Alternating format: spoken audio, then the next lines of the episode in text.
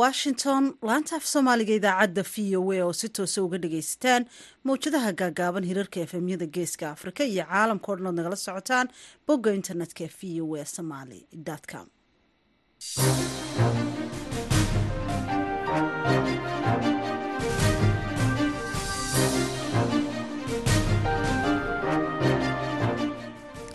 Fiidnimo wanaagsan dhegaystayaal dhammaantiinba waa sabti laba-iyo tobanka ogost sannadka labada kun iyo saddex iyo labaatanka. Idaacadda caawana waxaa idinla socodsiinaya anigoo ah sahre ciidla nuur.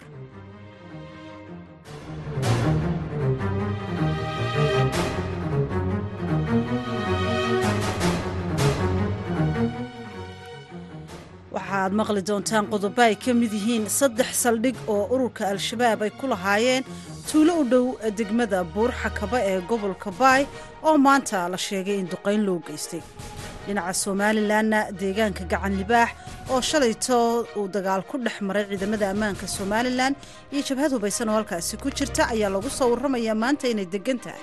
Siyaasiga faysal cali waraabe guddoomiyaha xisbiga ucid ayaa sheegay in dagaalka gacan libaax uu yahay khalad khalad lagu saxayo. Waa sanad bay ka soo wareegtay maalintii august koob tobankeedii labaatankii koob iyo tobanka todobiyo tobanka ay geeriyoodeen waxaa lagaa ka muuqata ilaa maalinta ilaa maanta ina waxna waxay soo guriyey ahaayeen. Oo qalad qalad laga dabageynayo u ahaa waxaad maqli doontaan qodobadaasi iyo kuwo kale marka horese warkii dunida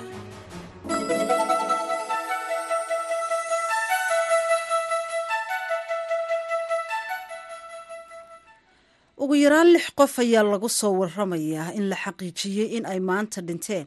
Kadib markii xeebaha waqooyi ee dalka faransiiska ay kula qaraqantay doon kuwa tahriibka ah oo ay saarnaayeen oo ku sii jeeday dalka britain.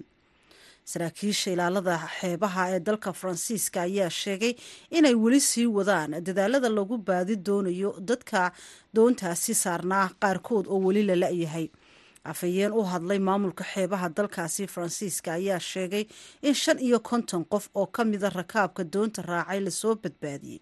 Hase ahaatee weli la la-ayay in ka badan toban qof oo tahriibayaala oo weli badda gudaheeda laga raadinayo. Saddex markab oo faransiis ah hal diyaarado nooca qumaatiga u kacda ee helikobterka loo yaqaano iyo ciidamo kale ayaa ku guda jira howlgalka samata bixinta iyo baadigoobka dadka xeebahaasi waqooyi ee dalkaasi ku qaraqmay. Dadkaasi oo la sheegay inay u sii jeedeen dhinaca dalka britain. Mas'uuliyiin ka tirsan dalka faransiiska ayaa sheegay in qofkii ugu horreeyey ee la soo badbaadiyey uu noqday nin da-diisu u dhaxayso shan iyo labaatan jir ilaa soddon jir kaasi oo ka soo jeeda dalka afghanistan. Sida ay qortay wakaalada wararka ah ee a f p shan qof oo kale ayaa iyaguna ku jira xaalad halisa ah kadib markii ay badda ku hafteen. Marinbadeedka waqooyiga faransiis ayaa ah meelaha ugu halista badan ee ay adeegsadaan. Dadka u tahriibaya dhinaca dalka britain dhinaca kalena dalkan maraykanka tirada dhimashada dabkii xooganaa ee ku dhuftay jasiiradda muai ee gobolka hawaii ee dalka maraykanka ayaa kor u dhaaftay siddeetan qof iyadoo intaasi tiro ka sii badan la fili karo maadaama ay weli jiraan dad la la-yahay sida ay sheegeen saraakiisha gobolkaasi.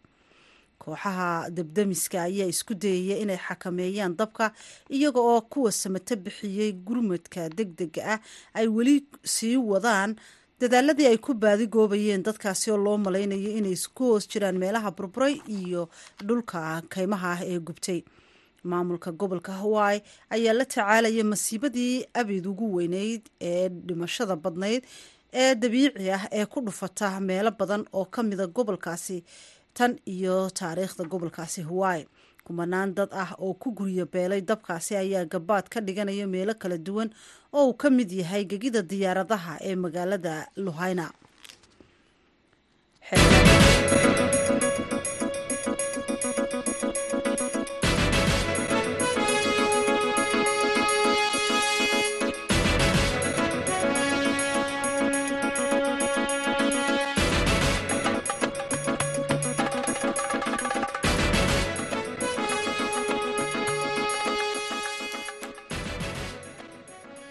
fiidnimo wanaagsan akhyaartana dhegaysanaysa halkaasi aad nagala socotaan. Waa v o a washington.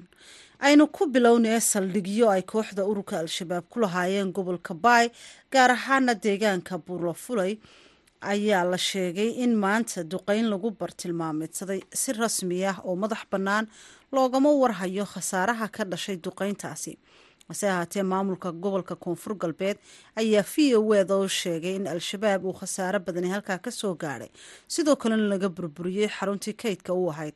Wariyaha v o a ee baydhabo mukhtaar maxamed catoosh ayaa warbixintan xaggaasi ka soo diray. Duqeynta waxay ka dhacday deegaanka buulafulay oo ka tirsan degmada buurhakaba ee gobolka baay waxaana duqeyntaasi lagu bartilmaameydsaday ilaa saddex xarumood oo muhiim u ahaa kooxda al-shabaab wasiirka amniga dowlad goboleedka koonfur galbeed soomaaliya xasan cabdiqaadir maxamed oo v o a la hadlay ayaa sheegay howlgalka lagu daqeeyay kooxda al-shabaab deegaanka buulafulay inuu ahaa mid lagu burburinayo saldhigyada ay al-shabaab ku lahaayeen deegaanka buulafulay maadaama dhowaan uu bilaabanaya buu yidhi wejiga labaad ee la dagaalanka kooxda al-shabaab. Runtii duqeyntaas waa duqeyn culus oo jab ka gaaray qoladan khawaarijtu ahaa taargetkana sidii loogu talagalay uu dhacay waa gartay. Marka halkey ka dhacday duqeynta. Tuulada buulufulay oo hoos tagta degmada buurxakaba ee gobolka baay runtii saddex ilaa saddex goob waa meelaha la duqeeyey oo tuuladaas ka mid ah oo meel jagboynti u yaalay iyo meel bakhaarkooda u ahaa iyo meel geerish u ahaa oo baabuurta ay uga xaraysanaayeen jab weynna waa la gaarsiiyey ilaa iyo hadda xogta aan helayno.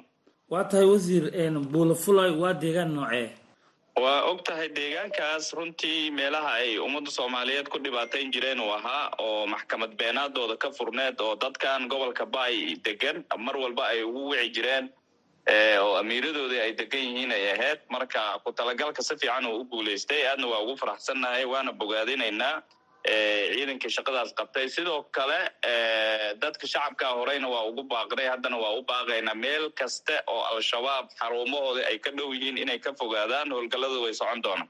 Howlgalka maanta duqeynta ee laga fuliyay deegaanka buulafulay wax shacaba oo dhibaato ka soo gaaray.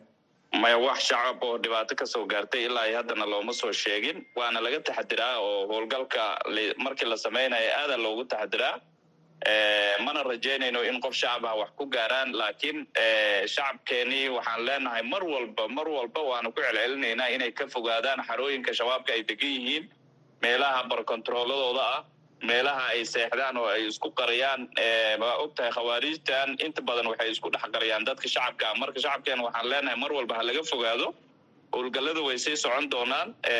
Howlgalladii hore oo deegaanadan ka dhacay ay dabajoog u yihiin waana sii socon doonaan. Wasiir muhiimadda ay leedahay maxay tahay in la duqeeyo kooxda al-shabaab iyadoo maalin walba weerar kadiisa idinku soo qaada?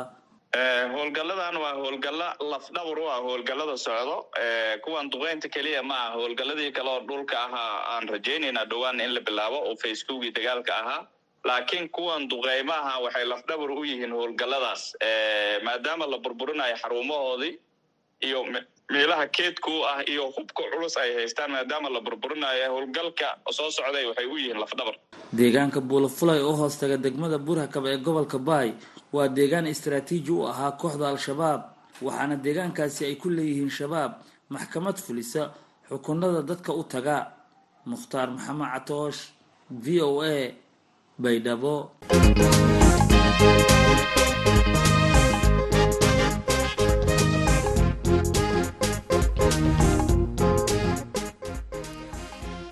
fiidnimo wanaagsan dhegaystayaal halkaad nagala socotaan waa v o a washington.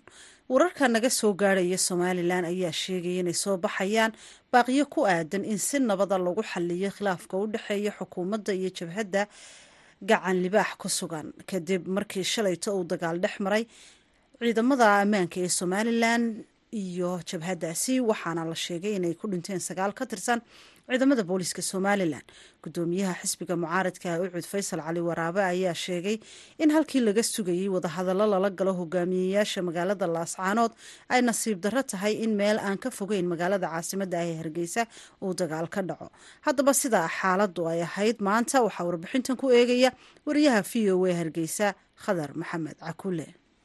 Wararka laga helaya degmada goodah ee deegaanka gacan libaax ee gobolka saaxil ayaa ku warramaya in xaaladdu maanta ay deggan tahay oo ay caadi tahay. Kadib markii halkaasi shalay uu iska horimaad ku dhex maray ciidamada booliiska somalilan iyo jabhadda buurta gacan libaax halkaasi oo dhimasho iyo dhaawacba uu dagaalkaasi sababay. Qaar ka mida dadweynaha ku nool deegaankaasi oo aan goordhoweyd la xidhiidhay ayaa ii sheegay in xaaladdu ay deggan tahay islamarkaana maanta aanay wax dhibaato ah iyo dagaaltoona dhicin dhinaca kale ciidamada ayaa la sheegay in dhinac weliba uu halkii uu joogay uu ku sugan yahay maanta. Geesta kale waxayse soo taraya baaqyada nabadda lagu dalbanayo iyadoo qaybaha kala duwan ee bulshada iyo waxgaradkeeda somalilan ay ku baaqayaan in xabadda la joojiyo islamarkaana nabad la xidho waxaa sidoo kale golaha guurtida ee somalilan fadhigoodii maanta ay yeesheen ay mudanayaashu isku weydaarsadeen afkaar iyo aaraah la xidhiidha in nabadgelyada golahu uu qayb ka qaato islamarkaana shaqada golahu uu hadda ku jiro iyo doodaha kale u socda meesha laga saaro oo arrimaha buurta gacan libaax iyo xaaladaha halkaasi ka jira la gudagalo. Geesta kale guddoomiyaha xisbiga mucaaridka ee u cidin jira faysal cali waraabe oo shir jaraa'id ku qabtay maanta magaalada hargeysa ayaa ka hadlay dhacdadii shalay ka dhacday degmada go'da waynu ka xunnahay? Aad iyo aad baan ka xunnahay.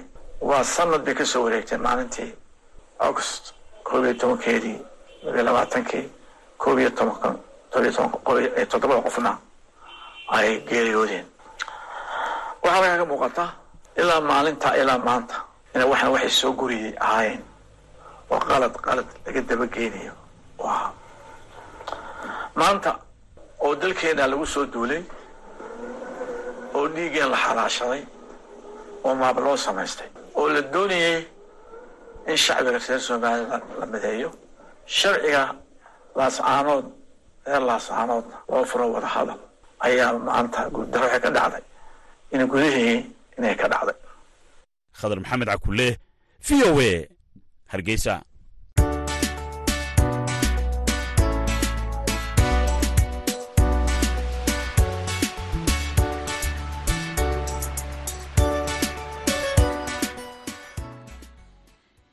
hagaag dhegeystayaal guddiga xuquuqda aadanaha ee golaha shacabka ee baarlamaanka soomaaliya ayaa sheegay in xaalad adag ay ku jirto xabsiyada dhexe ee magaalada muqdisho halkaasi oo guddigu sheegay in ay ka jiraan dad dhammaystay xabsiga balse weli ku sii xidhan.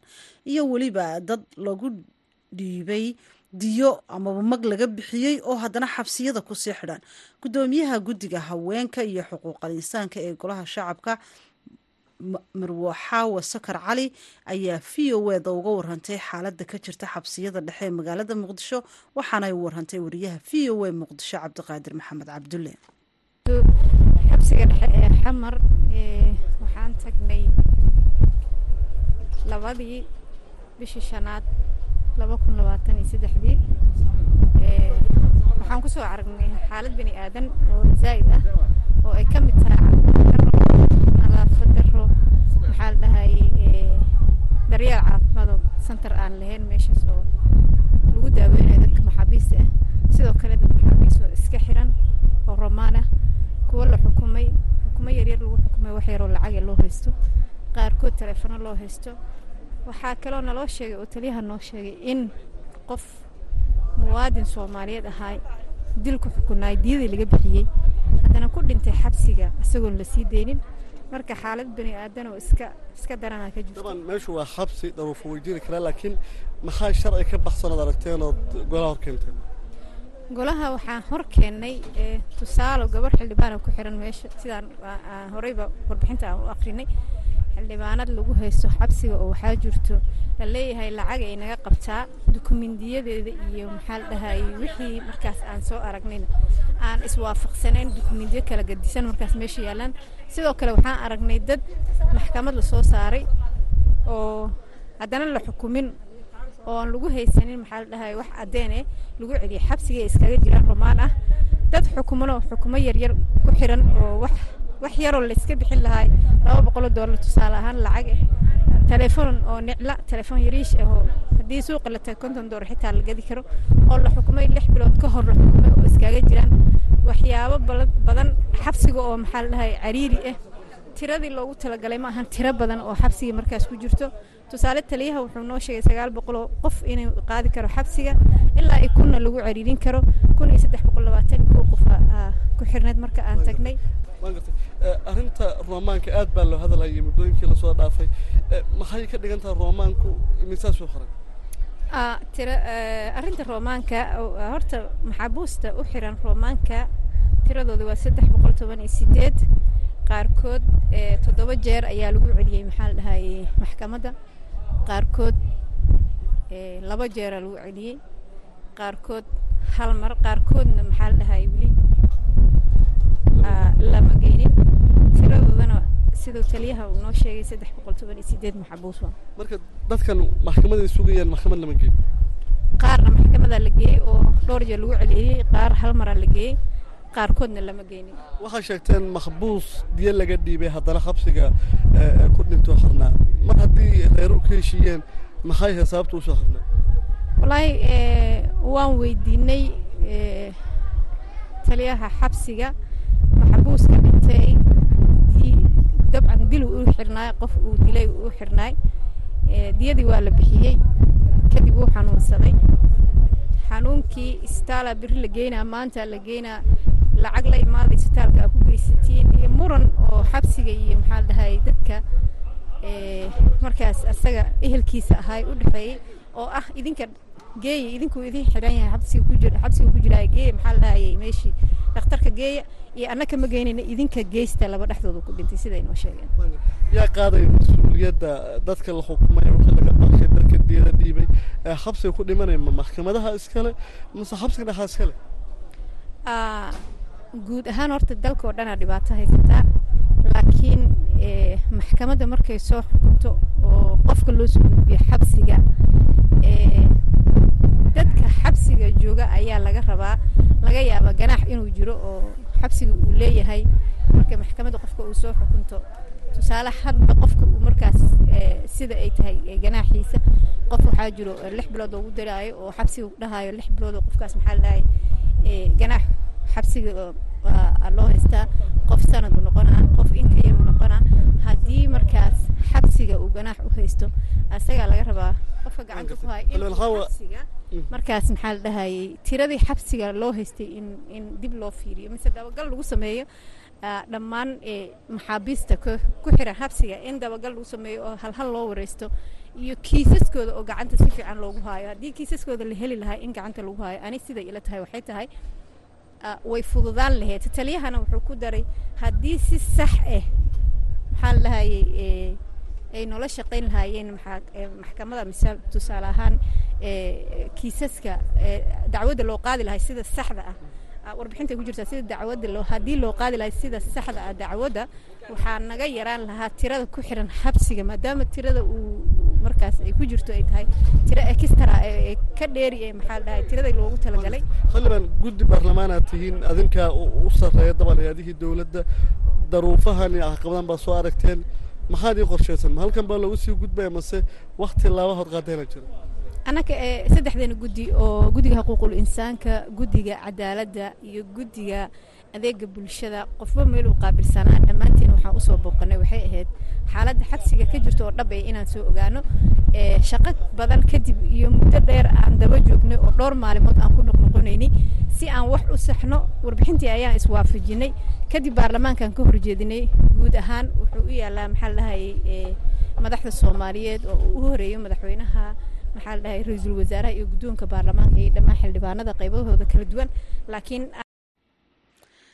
taasi waxay ahayd xaawa sokor cali oo ah guddoomiyaha arrimaha haweenka iyo xuquuqal insaanka ee golaha shacabka ee baarlamaanka soomaaliya. Waxay magaalada muqdisho ugu waramaysay wariyaha v o a muqdisho cabdiqaadir maxamed cabdulle. Haatan dhegeystayaal ku soo dhowaada barnaamijkii martida mikrofoonka waxaa soo diyaariyey jacfar kukaay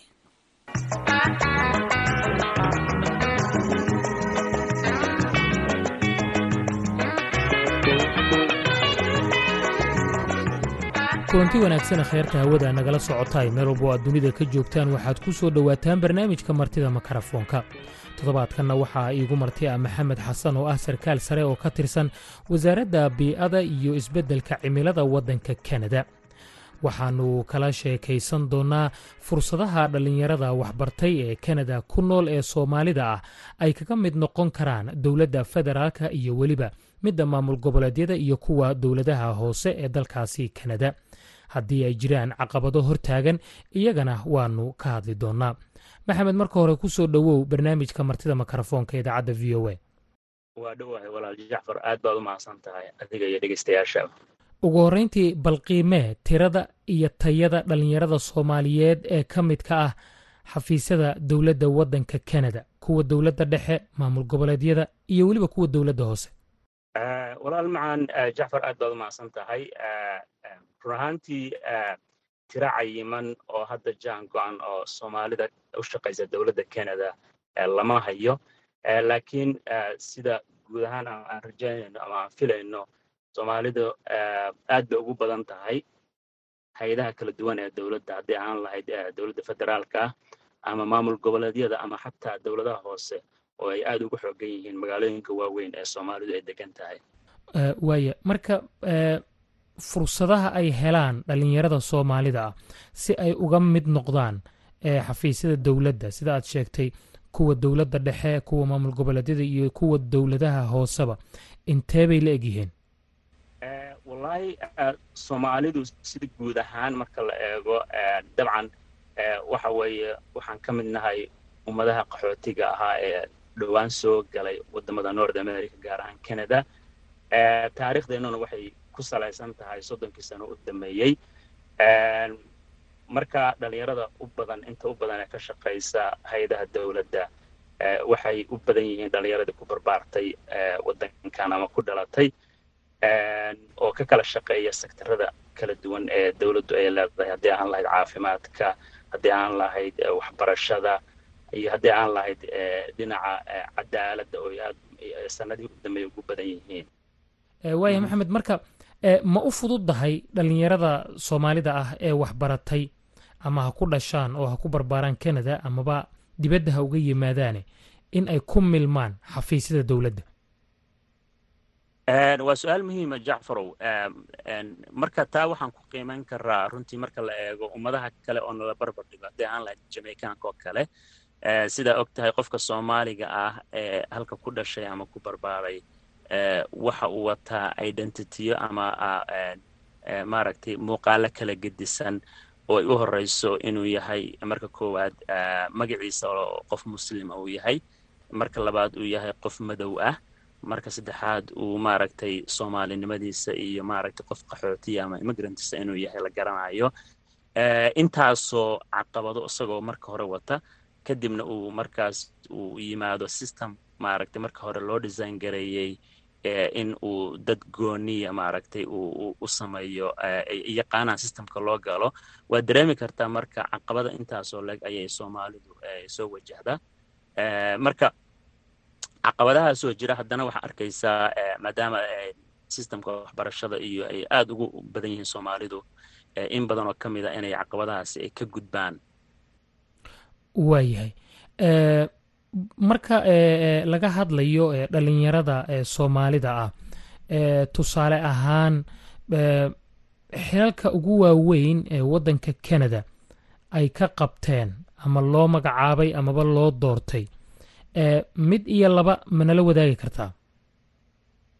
Guud ahaan soomaalida xilalka dowladda ay hayaan waxay u kala baxaan laba qaybood qaarna waa inta aan naqaano ah dadka la doorto oo elected officialka loo yaqaano uu ugu wen yahay axmed xuseen oo ah wasiirka keliya ee afrikaanka ah iyo maaragtay xildhibaano dhowr ah oo maamul goboleedyada noo matala laakiin waxaa jirta sidoo kale dhalinyaro badan oo public servantska ama dadkan dowladda u adeega oo aan aan siyaasadda ku jirin shaqaale dowladeed ah iyo dad kale oo la magacaabo oo maaragtay dadkan ku xuskar waxaa mid ah wasaaraha waddankan canada hadda oo kale la taliyaal waxa ku jira dad dhalinyaro ah oo soomaali ah oo maaragtay aada ula shaqeeyey hadday noqon lahayd arrimaha wacyigelinta iyo waxbarashada iyo kor qaadidda isdhexgalka bulshooyinka. Marka xafiisyada wasiirada la taliyaashooda ay ku jiraan waxaa ka mid a saan ognahay gabar la yiraahdo habboon cali oo maaragtay la taliya u ahayd ra'iisul wasaaraha waddankan justin trudeau. Waayahay dabcan waxaan ka hadalnay fursadda ay u heli karaan dhalinyarada ee soomaalida ah ee canada jooga in ay ka mid noqdaan xafiisyada dowladda heerarkeeda kala duwan. Inkastoo aad qeyb ka mid ah caqabadaha ka dhawaajisay waa maxay caqabadaha ugu waaweyn ee ku horgudban ama la soo darsa ee dhalinyarada soomaalida ah marka ay damcaan amaba ay hamiyaan in ay ku biiraan xafiisyada dowladda waddanka canada heerarkeeda kala duwan. Waxyaalaha caqabadaha u waaweyn oo aan hadda aan aragnay waxaa ka mid ah directionka ama waxyaalaha loo yaqaano network qofku inuu dad ku leeyahay systemka dowladda waxyaalaha aan aragnay waxaa ka mid a dadkan caddaanka ahi. Meel walba ay gelayaan dad baa uga horreeya marka qofka soomaaliga ah markii uu xafiis dowlow imtixaan u gelayo inkastoo sida guud ay cadaalad tahay systemka la maraa oo hiring processka uu yahay maaragtay mid cadaalada haddana waxaad u baahan tahay qof gudaha ku jira oo albaabka kaa fura. Marka runtii caqabadda network waa caqabadda koowaad sidoo kale marka ay yar yihiin caqabadaha dhalinyarada inta badan barnaamijyo aan qabanay aan ku ogaanay waxaa ka mid ah mentorship waxa la dhaho oo maaragtay dhalinyarada danaynaysa markay jaamacadda ka soo qalanjebiyaan oo kale in ay ku biiraan nidaamka dowladda. Aanayba garanaynba processka loo maraayay ama qof soomaaliya oo uga horreeyey inuu nidaamkan ku hago. Runtii caqabadda kaloo jirta waxaa ka a jacfarow anu aanad u ogaaday gaab weyn oo ku dhex jira dhalinyarada soomaalida ah ee u shaqaysa dowladda iyo communitygoodii oo runtii qofkii markuu yaryahay oo inanka yarka u baahan yahay mentorshipkan sheegaye ama u baahan yahay wacyigelin ama fursadaha noocan oo kale ah. Sometimes waxaa dhacda waxyaalahan la dhaho hir massive hiring oo kale inay dowladdu si guud ay maaragtay ay wasaarad oo kale ama dowladda hoose ama ay samaynayaan amaba waxaa jira waxa la dhaho specific community gooniya ama dadka madowga oo kale in la target garaysanayo markaasoo kale qofka soomaaliga ah ee inanka ah ee soo qalin jibiya wuxuu u baahan yahay qof kale oo meesha ka shaqaynaya systemkii u sheegaba horta processkii ka dhaadhiciya oo maaragtay la qabta. Marka waxyaalaha labadii sana u aan ka shaqaynay waxaa ka mid in la isu soo dhoweeyo in la isbaro marka hore ee dhalinyarada soomaaliyeed ee xafiis xafiisyada sarsare ka shaqeeya oo maaragtay dee taytalo aad u sarreeya haya laakiin aan xiriir dhow la lahayn communityga ay matalayeen oo haddii aan lahayd dhalinyarada soo qalin jebinaysa ee rabta marka inaan isku xirno labadaas maaragtay qaybood ee communityga yaan aad uga shaqayn marka caqabadahaasoo kale ayaa u badan kuwa qabsada iyo kuwa ay ka mid yihiin dabcan markii gudaha la galo systemka dowladda markaa dhex geshid laftigeeda caqabadeeda ay leedahay oo ma aha maaragtay inay meesha ku dhammaato caqabadihii maa way sii soconaysaa. Waaya marka maxaa ee tala ah oo aad u soo jeedinaysaa ee guud ahaan dhalinyarada soomaaliyeed ee waxbartay ee doonaya in ay shaqo helaan gaar ahaanna ee hamigooda uu yahay in xafiisyada dowladda ay galaan iyo bulshada soomaaliyeed ee ku dhaqan waddanka kanadaba. Maxay tahay talada aad labadaas dhinacba u soo jeedinayso haddaan ku hormaro midda guud ee maaragtay mujtamaceena soomaaliyeed because ayaga aasaaskii ah oo bayskii meeshii ilmuhu ka soo baxaya iyaga waaye. Jacfarow waddankan canada waxyaalaha cajiibka waxaa ka mid ah waddankan waa community based yacni qofka soomaaliga ah waxaa laga yaabaa maraykanka kale inuu yahay waddan individualism ah oo qofku adoo shaksiya inaad wax noqon kartid laakiin waddankan waxaad arkaysaa communityga spanishka communityga yuhuudda communityga oo si iyagu maaragtay si gooni gooni wax u raadinaya. Inkastoo dowladda guud lagu wada jiro. Marka haddii marka soomaali mujtamaca soomaaliyeed ee waddanka aan kor loo qaadin accesska u leeyihiin resourciga dhaqaalaha fundingka dowladdu bixinayso adeegyada caafimaadka kuwa waxbarashada la hagaajinayo haddii si collective aan loo raadin arrintaas iskuulladoo kale waxbarashada meesha yaal ka soo baxayaan oo kale. Haddaan kor loo qaadin oo tayadooda la hagaajin si wadar ah runtii dhalinyarada soo baxaysa iyo maxsuulka soo baxaya wuxuu noqonayaa mid aan la tartami karin mujtamaca kale ee ku nool waddanka canada. Marka taladan siina iyaga waxa waaye wacyigelin ballaaran in la sameeyo in si collective ah maaragtay loo doodo oo xuquuqda haddii aan lahayd in la hagaajiyo kaabayaasha waxbarashadoo kale oo maaragtay iskuullada xaafadaha soomaalida ku yaalla tayadooda kor loo qaado marka loo eego levelka magaalada oo dhan in dad dadka u dooda ah oo maaragtay communityga u dhaqaaqa ay xoogga saaraan tayada dadka ay soo saarayaan. Dhanka kale dhalinyarada qalin jaminaysa jaamacadaha hadda ka baxaysa ama ku haminaysa in ay dowladda gasho talada u muhiimsan oo siinaya waxa waaye.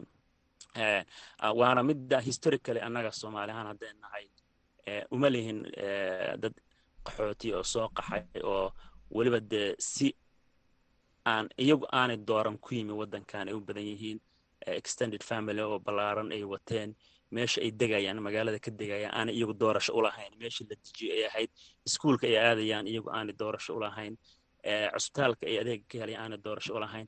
Waxaasoo dhan oo jira haddana ilmaha marka uu maaragtay soo baxo wuxuu u baahan yahay mentorship in la hago maaragtay markuu jaamacadda ha isku dhiganayo in loo warhayo waxa uu rabo. Waxaa arkaysa ilma jaamacad markuu dhammeeyo ku oranaya digrigan digrigan rabe ma ahan mid kalan mid kalan geliya afar sano oo kale inuu khasaariyo laga yaabo. Marka runtii mentorshipka in la raadiyo oo maaragtay ay noqoto arrin community ahaan inagu aan u doodno oo aan xoogga saaro ayagana markaas inay raadiyaan meelaha adeegyada tusaale ahaan dowladda oo kale websiteyaa jira resource baa jira. Marka barnaamijyadaan qabayno kale waxaan la wadaagnaa linkiyada dowladda oo kale. Waxaa jira marka waxa la pool oo la sameeyo oo kale. Markaad jaamacadda dhiganaysid baa layska diiwaan geliyaa. Marka poolkaasaa lagu gelinayaa dhibcahaaga markaa keentay. Haddaa halkaa marka waxaa laga yaabaa barnaamijyo rosterkaa lagu gelinayaa barnaamijyadaasoo kale marka adigoon khibrad u baahnayn maadaama aad iskuulka weli ku jirtid ama jaamacadda dhammaynaysid halkaas inaad ka heshid fursad noocaasi way jirtaa. Sidoo kale waxaa jira barnaamijyo badan oo maaragtay wacyigelin la'aanta darteed aanan tixgelin siin oo ah co-opka ama internshipka waxaan la dhaho. Boqolkiiba sagaashan qofku haddii uu fiican yahay internshipka markuu dhammeeyo waa la sii hayrgarayaa because dowladdu uma baahana inay kharash geligeliso qofka cusub oo hiring process dheer la maro oo waxaas waqtiga la geliyo resource la geliyo. Qofkan internshipka ah oo samarkii kula shaqaynayay dowladdu waxay samaynaysaa dabcan waxay leedahay haddii uu shaqaysanayo qof fiican yahay oo maarata performancegiisa loo bogay waa la sii hari garan kara marka waxyaalahaasoo kale baa ka mid a waxyaalaha maaragtay dhalinyarada badan ay ay ku geli karaan dowladda waana inta u badan boqolkiiba sagaashan dadka dowladda u shaqeeya system noocaas ay ku galeen. Way aad baad umahadsan tahay maxamed. Kaasi waxa uu ahaa maxamed xasan oo ah sarkaal sare oo ka tirsan wasaaradda bii'ada iyo isbeddelka cimilada waddanka kanada. Barnaamijka martida makarafoonka ayuu marti igu ahaa. Intaynu mar kale toddobaadka soo aadan dib ugu kulmayno barnaamijkan la mida waxaan idinku dhaafayaa nabadgelyo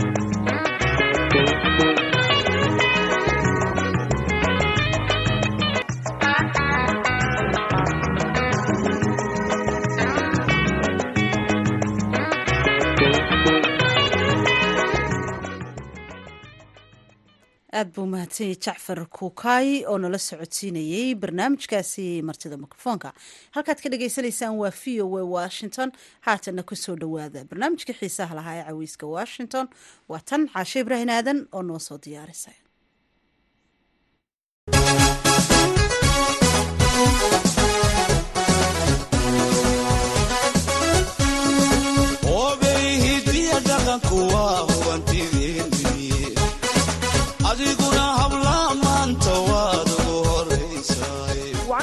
dhegaystayaal waa mar kale iyo barnaamijkeennii caweyska washington ee caawa. Barnaamijka caawana waxaan idinku hayaa. Haddaan qarinayo maxaaban maxaaban u jeclaanaya marka ugu horeysa qof aan jeclahay seen u qarin karaa. Ninkeyga xalaashaa seen u qarin karaa. Qiimaha uu iigu fadhiyo seen u qarin karaa. Waa qayb kale oo xiise leh oo aan caawana idinkaga hayo waayaha jacayl ee marwo batuulo sheekh axmed gaballe. Qaybtan oo weliba fariin gaara u sida gabdhaha soomaaliyeed waxaan sidoo kale idiin hayaa.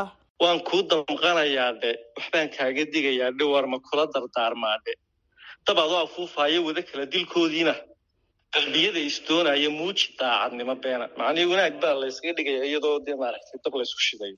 Waa sidiiq maxamed burmad oo ka sheekaynaya heesta caasha qumaaha danguud oo aad iyadana sheekadeeda ku maqli doontaan qeybta dambe ee barnaamijkan caweyska washington. Waa caawa iyo caweyska washington.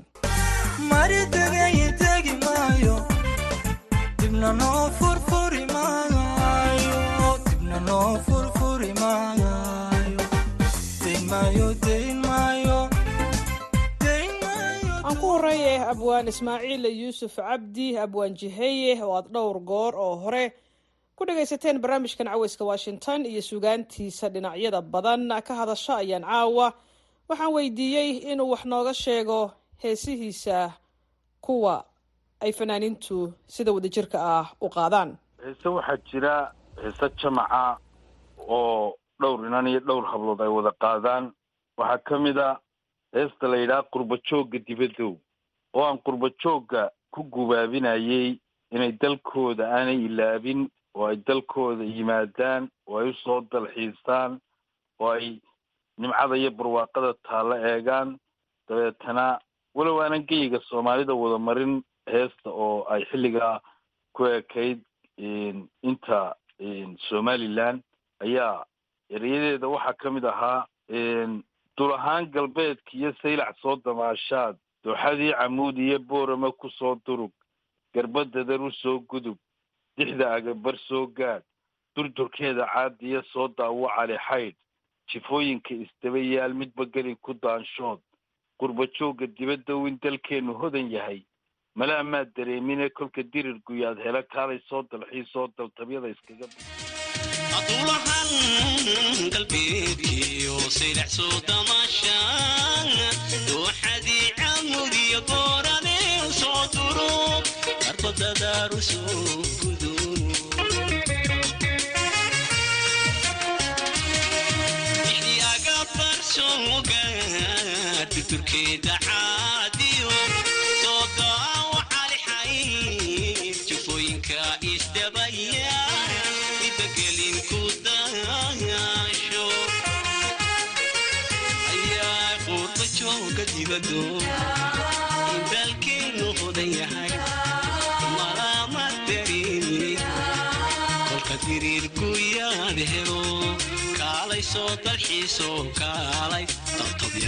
isaga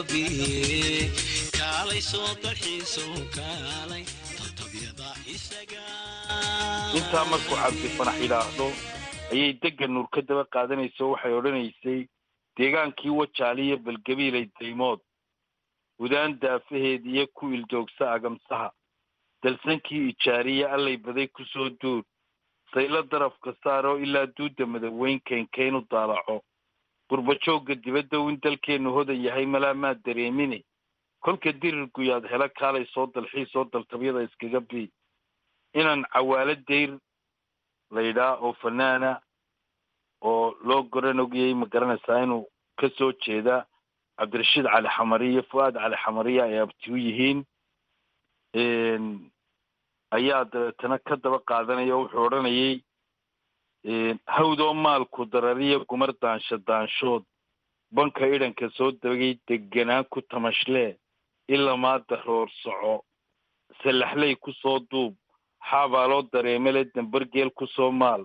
Ka soo daadeg masallaha guryasama ku diifrago. Qurbajoogga dibadda in dalkeennu hodan yahay malaamaa dareemine kolka dirir guyaad hela kaalay soo dalxiisoo daltabyada iskaga bii. Dabeetana sahraylays baa ka daba qaadanaysay oo hargeysa ka kaxaynaysay. Fuwaad cali xamari baa isna berbere ka sii qaadaya. Dabeetana ilaa laascaanood buu soconayey inan baa dabeetana iyaduna gobolka sanaag laydhaa ku soo gebagabaynaysay heestaa intaasaan kaga gudbaya waxba eriyadeeda inta dambe waa layla dhegaysan doonaa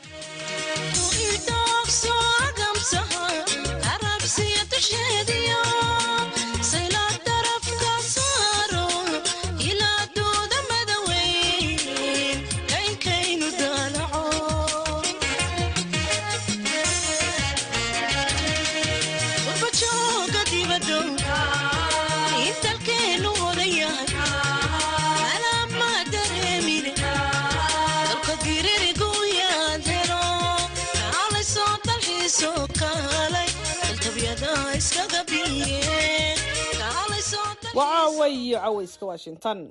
Intiinii dhegaysatay barnaamijkan caweyska washington toddobaadkii hore waxaan ku waraystay guddoomiyaha haweenka qaranka soomaaliyeed marwo batuulo sheekh axmed gaballe oo si furan nooga sheekaysay jacaylka iyo waxa ay ka aaminsan tahay iyo sidoo kale keeda gaarka ah.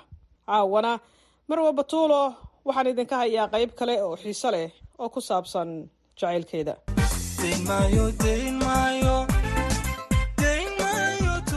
markaad fiiriso dhaqanka soomaalida. Inta badan marka nin aabba ah awoowo noqday uu gabar yar guursado waa wax iska caadiya wax weyn looma arko. Waxaa loo arkaa inay dhaqankii ka mid tahay. Laakiin dhinaca kale markay hooyo laga yaabo inay ayeeye noqotay ay wiil yar markay guursato fartaa lagu godaa maxaa arrintaa ka leedahay?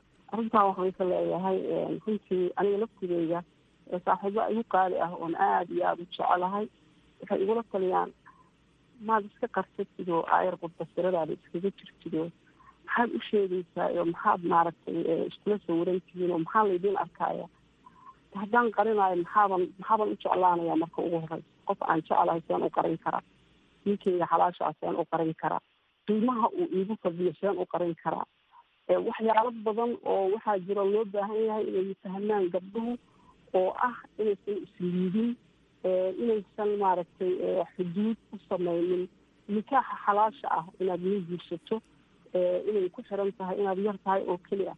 Adigoo weynaad guursan kartaa nolosha la qaybsan kartaa qofku jecel adiguna aada jeceshahay. Marka aniga saydaba waxaan jeclahay jacaylka inaan la qarinin xalaasha inaan la qarinin qofku maaragtay ha qarsado markuu xumaan sameynayo laakiin marka wuxuu ilaahay u dameeyey uu sameynaayo oo ilaahay subxaana watacaala uu maaragtay uusan ka fogaaneynin muxuu u qarinaya. Marka waxaan aaminsanahay liidnaanta ay gabdhuhu isliidayaan inaysan meesha ku jirin inay hawoon karaan inay jacayl qaadi karaan inay guursan karaan inay dhaqan islaan oo wanaagsan ku dhaqmi karaan qofka ay la nool yihiinna ay xiiso gelin karaan. Jacaylka maba qarsoomaa la yidhahdaa soo maaha?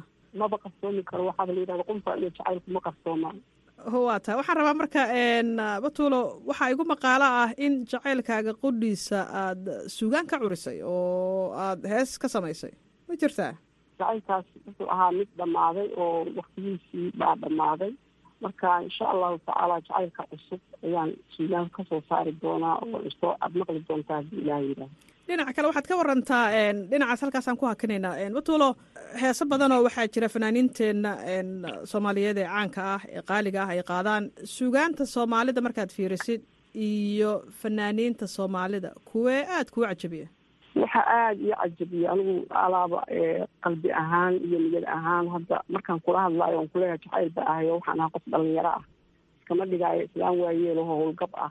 Waxaan ahay qof maaragtay dhalinyaro ah nolosha xiiseynaysa jecel inay maaragtay jacaylkeeda ku ku gabowdo weli ma gaboobin calaa kulli xaal waxaan aada u jecelahay heeska ay qaado axmed aarshe oo la yidhaahdo dad allow jacaylkaygu danguud ma aha cashiqu danguud maaha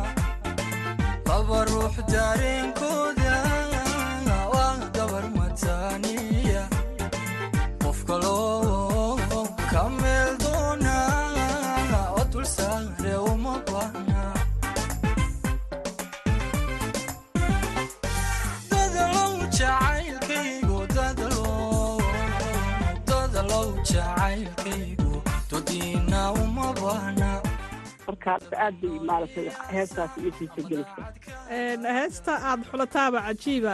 Axmed aarshe waa wiilasha aadka u da-da yar ee xiliyadan dambe soo haysay marka taasaaba fariin kala diraysa maystiri jacaylkayga laftigiisa waa dhalinyaradaas. Marka heeskaas aad buu maaragtay uu ii quseeyaa. Aad baan u jecelahay waan enjoy gareeyaa waan jeclaha heeskaas aadaan u jeclahay. Sababtoo qofka waa inuu jacaylkiisa u madax banaanaadaa hadduusan wax maaragtay dembi ah usan jirin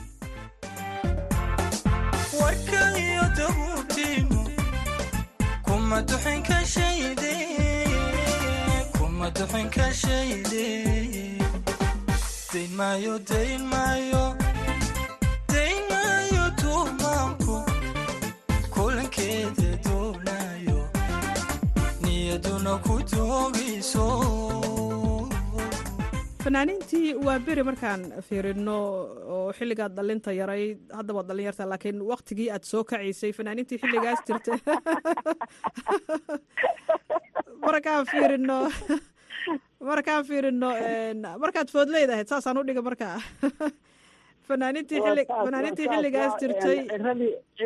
fanaaniintii baxsan heeskii aada soo qaadatay isaga laftigiisu waa quseeyaa jacaylkayga ciradiiyo jacaylkuba caawa iga kooyaan fanaaniintana ma iyadaad maaragtay safka koobaad kugu jirta mise kuwo kalaa jira way jiraan fanaaniin badan oona aada u qiimeeyo laakiin kani aniga uu quseeyaa hadda ciradiiyo jacaylka sainabay qaado waa gartay iyo iyo iyo midkan wiilkan dhalinyarada axmed aarsha uu qaado iyo wiilkan dhalinyarada maadaamaan dhalinyaro ahay dhinaca kalena waayahay batula iska soo xiraynaa marka waxaa ka warantaa dad badanaa ku dhegaysanaya soomaali ah oo barnaamijkan si weyn ugu xiran u arka inay wax ceeba tahay in jacayl laga hadlo oo dadkii waxaad moodaa inay dhinacii siyaasadda loo wada jeestay iyo dhinacyo kale.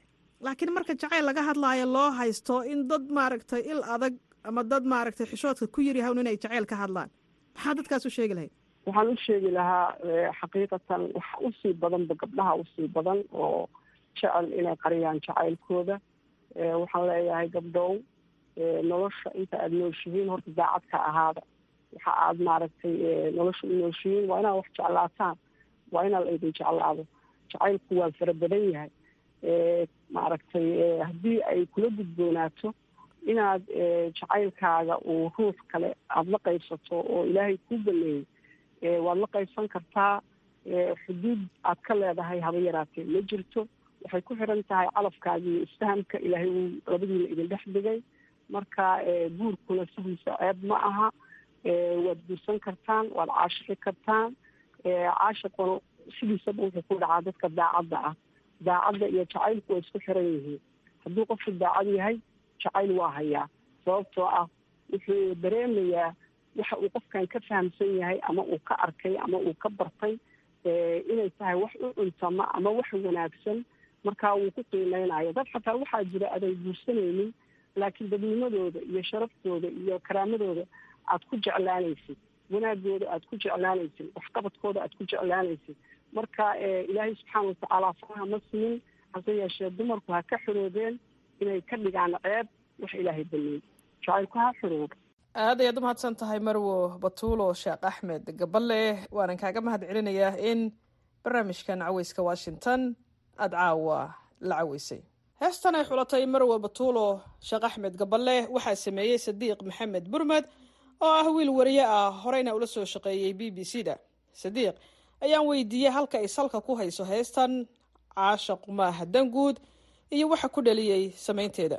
Dee caashaay heestaas ma hees fasiraad u baahan baaba si kuwa dadkii lahaa banaanka ka qaatay maaha moogtahay kolley waxa weeyaan wakti weliba waayihiisuu iska leeyahay oo beribaa heesaha ay ugu badnayd ay lagu soo qaadan jiray nabsi baan ku raaciyey iyo waa dadkii hore moogti haddee marka dadkii shakigaa ku yaro badan ama bacda amaba waxaaba ku badanba dagaalka lagu hayaba marka waa sababta xilligeedii ay macno u samaysay cid weliba waxay tirsanaysaa inay cid saddexaadi ku dhex jirto marka waa qofkaa leh waan idin fahansanahay dee ama isku kay wanaajiya ama nasteex isaga kay dhiga ama aad ii soo weeraro oo waan idin ogahay waxaad wadaan. Marka waxa weeyaan waa xaalado weliba imika aada u soo badanaya waana macnaha heestu xambaarsan tahay. Laysku kaayo diri maayo hiblaayo unbay ku soo ururaysaa ama hebel wa waa isfahansannahay dadka nagu dhex jiro oo idinkana waa idin fahansannahay aad waan idin fahansannahay aad iyo aad. Waa tan odhanaysa waan kuu damqanayaa dhe waxbaan kaaga digayaa dhe war ma kula dardaarmaa dhe dab adoo afuufaayo wada kala dilkoodiina qalbiyada isdoonaya muuji daacadnimo beena macnihii wanaag baa layskaga dhigaya iyadoo dee maaragtay dab laysku shidayo marka heestu waayahaasay xambaarsan tahay waktigeediina way heshay baan is leeyahay aad iyo aad kolleyba heestaas markaad samaynaysay yaad maskaxda ku haysay jiil ahaan ma jiilka hadda soo kacaye ee hadda guurdoonka abaad ka maskaxdaad ku haysay ma kuwa haddaba qoys ah yaad maskaxda ku haysay heesta markaad samaynaysay wallaahi caashaay horta waxa weeyaan kulli waayihii la jooga dadku way isu wadi waayo ladkay doonaanba ahaadaan ama yar ama weyn waxaase kala duwan jiilashii hore iyo jiilasha dambe ah waxyaaba ku kala duwanaan kara. Laakiin dadka xilligan wada noolay da uma kala socno ee dee waayay ku wada nool yihiin. Marka sheeko oo layga warramay iyo story gaara ma aha laakiin kolley markaan wax samaynayno waxaanu eegnaa maxaa real story noqonaya? Maxaa maxaa dadka ay dareemayaan. Maxaa qof weliba ku dhex jira xaalad caynkiiya marka markaasay kuu soo baxayaan sheekooyin badan marka dad halka dadka isgeysid dee inna waad arkaysaa inna waad ka fikiraysaa inna waad isweydiinaysaa inna way kaa horbaxaysaa. Marka waxa ii muuqatay uun inay dadku u wada baahan yihiin erayada noocaasa ee ah waan idin fahansanay oo mid kalaaba ka horreyso iyaduna dhanxiir la yidhaahdo oo ay asmi qaado marka mawaadiicda noocaasi dee dadkoogii bay iska wataan soo maaha heestaadan cashaqu ma aha danguud waxaa toddobaadkan dalbatay guddoomiyaha haweenka qaranka soomaaliyeed marwo batuulo sheekh axmed gaballe. Batuulo waa hooyo waa ayeeyo waana mucaashaqad xilligan oo jaceylkeeda ku naaloonaysa. Waxay tiri waxaan heesaha ugu jecelahay heestan uu qaado axmed aarshe ee adiguna aada samaysay. Marka maxay kula tahay aragti ahaan in heestaadan ay batuulo sheekh axmed gaballe ay kala soo dhex baxdo heesaha kumanaanka ah ee soomaalida ee xiliyada kala duwan la qaaday ay heestaadan ay kala soo dhex baxdo. Dareen noocey bay ku gelinaysaa adiga shaksiyan miisaankeed saari lahayd haddaad cabir ka bixiso. Wallaahi dee horta bulshaday ka mid tahay hambalyaanan leeyahay waxaanan leeyahay. Kolley dee waxbay dareemaysaa iyo dadkaasoo ammaan siiyay iyadiyo jacaylka dee sababtay heesta u soo qabsatayba dee kolley waa xaaladay ku jirto. Marka dadkana way iska hawl badan yihiin. Laakiin waxaan leeyahay heestaana dhegeyso war dadkuna ammaan siiy mari tagay tegi maayo. Dibna noo furfuri maayo dibna noo furfuri maayo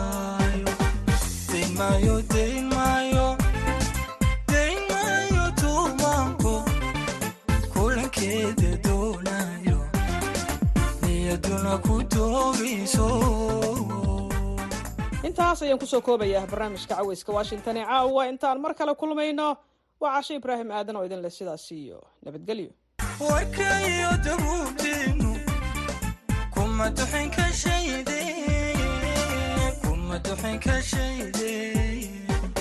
dayn maayo dayn maayo dayn maayo tuumaanku kulankeeda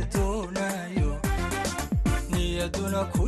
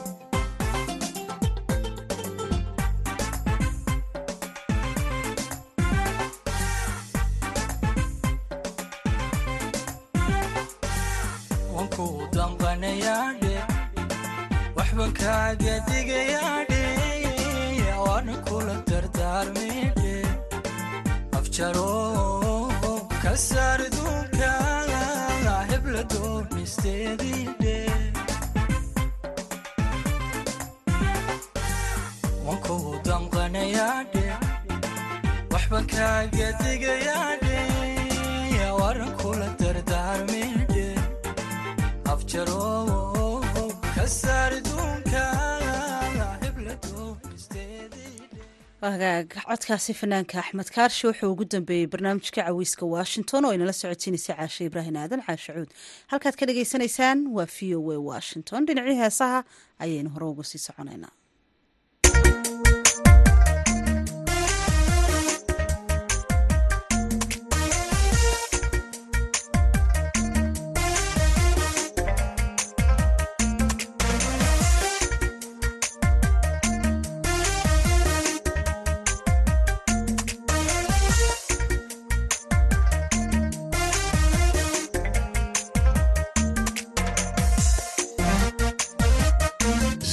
Zach